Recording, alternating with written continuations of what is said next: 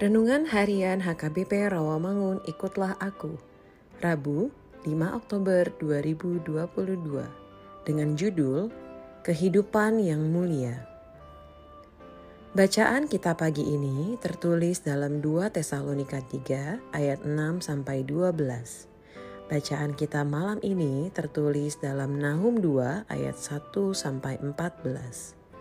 Dan kebenaran firman yang menjadi ayat renungan kita hari ini tertulis dalam 1 Korintus 15 ayat 43 yang berbunyi Ditaburkan dalam kehinaan, dibangkitkan dalam kemuliaan ditaburkan dalam kelemahan, dibangkitkan dalam kekuatan. Demikian firman Tuhan. Sahabat, ikutlah aku yang dikasihi Tuhan Yesus. Ketika Yesus Kristus mati di kayu salib dan dikuburkan, para murid berpikir, selesailah sudah perjuangan mereka. Tidak ada lagi yang bisa mereka lakukan setelah Yesus meninggal. Namun, saat dia bangkit kembali dari antara orang mati dan menampakkan diri pada mereka, cara pandang dan harapan mereka berubah. Kebangkitannya menunjukkan bahwa kematian bukanlah titik akhir. Melampaui kematian, ada kehidupan yang lebih mulia dan lebih berlimpah, sedangkan kehidupan kekal berlangsung selamanya.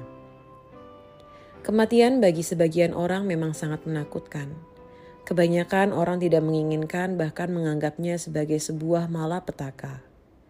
Rasul Paulus menjelaskan kepada jemaat di Korintus bahwa kematian bukanlah sesuatu yang menakutkan. Sebab kematian hanyalah perpindahan dari tubuh yang fana berganti menjadi tubuh kemuliaan, yaitu tubuh yang baka. Tubuh yang fana penuh keterbatasan, memiliki batas waktu untuk hidup, membutuhkan makanan dan istirahat untuk dapat bergerak akan menjadi sakit jika kelelahan, mudah terserang penyakit, namun tubuh kemuliaan berbeda. Tubuh yang dapat hidup untuk selama-lamanya, yang tidak akan pernah merasa lelah atau sakit, tidak menua dan tidak membutuhkan makanan setiap hari.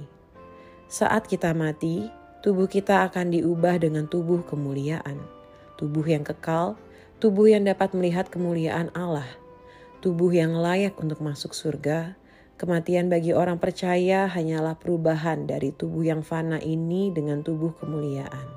Amin. Marilah kita berdoa. Ya Tuhan Yesus, ajar kami menghitung hari-hari yang Tuhan berikan kepada kami, karena hari-hari kami di dunia hanya sementara, karena kami akan memasuki kehidupan dunia yang kekal. Amin.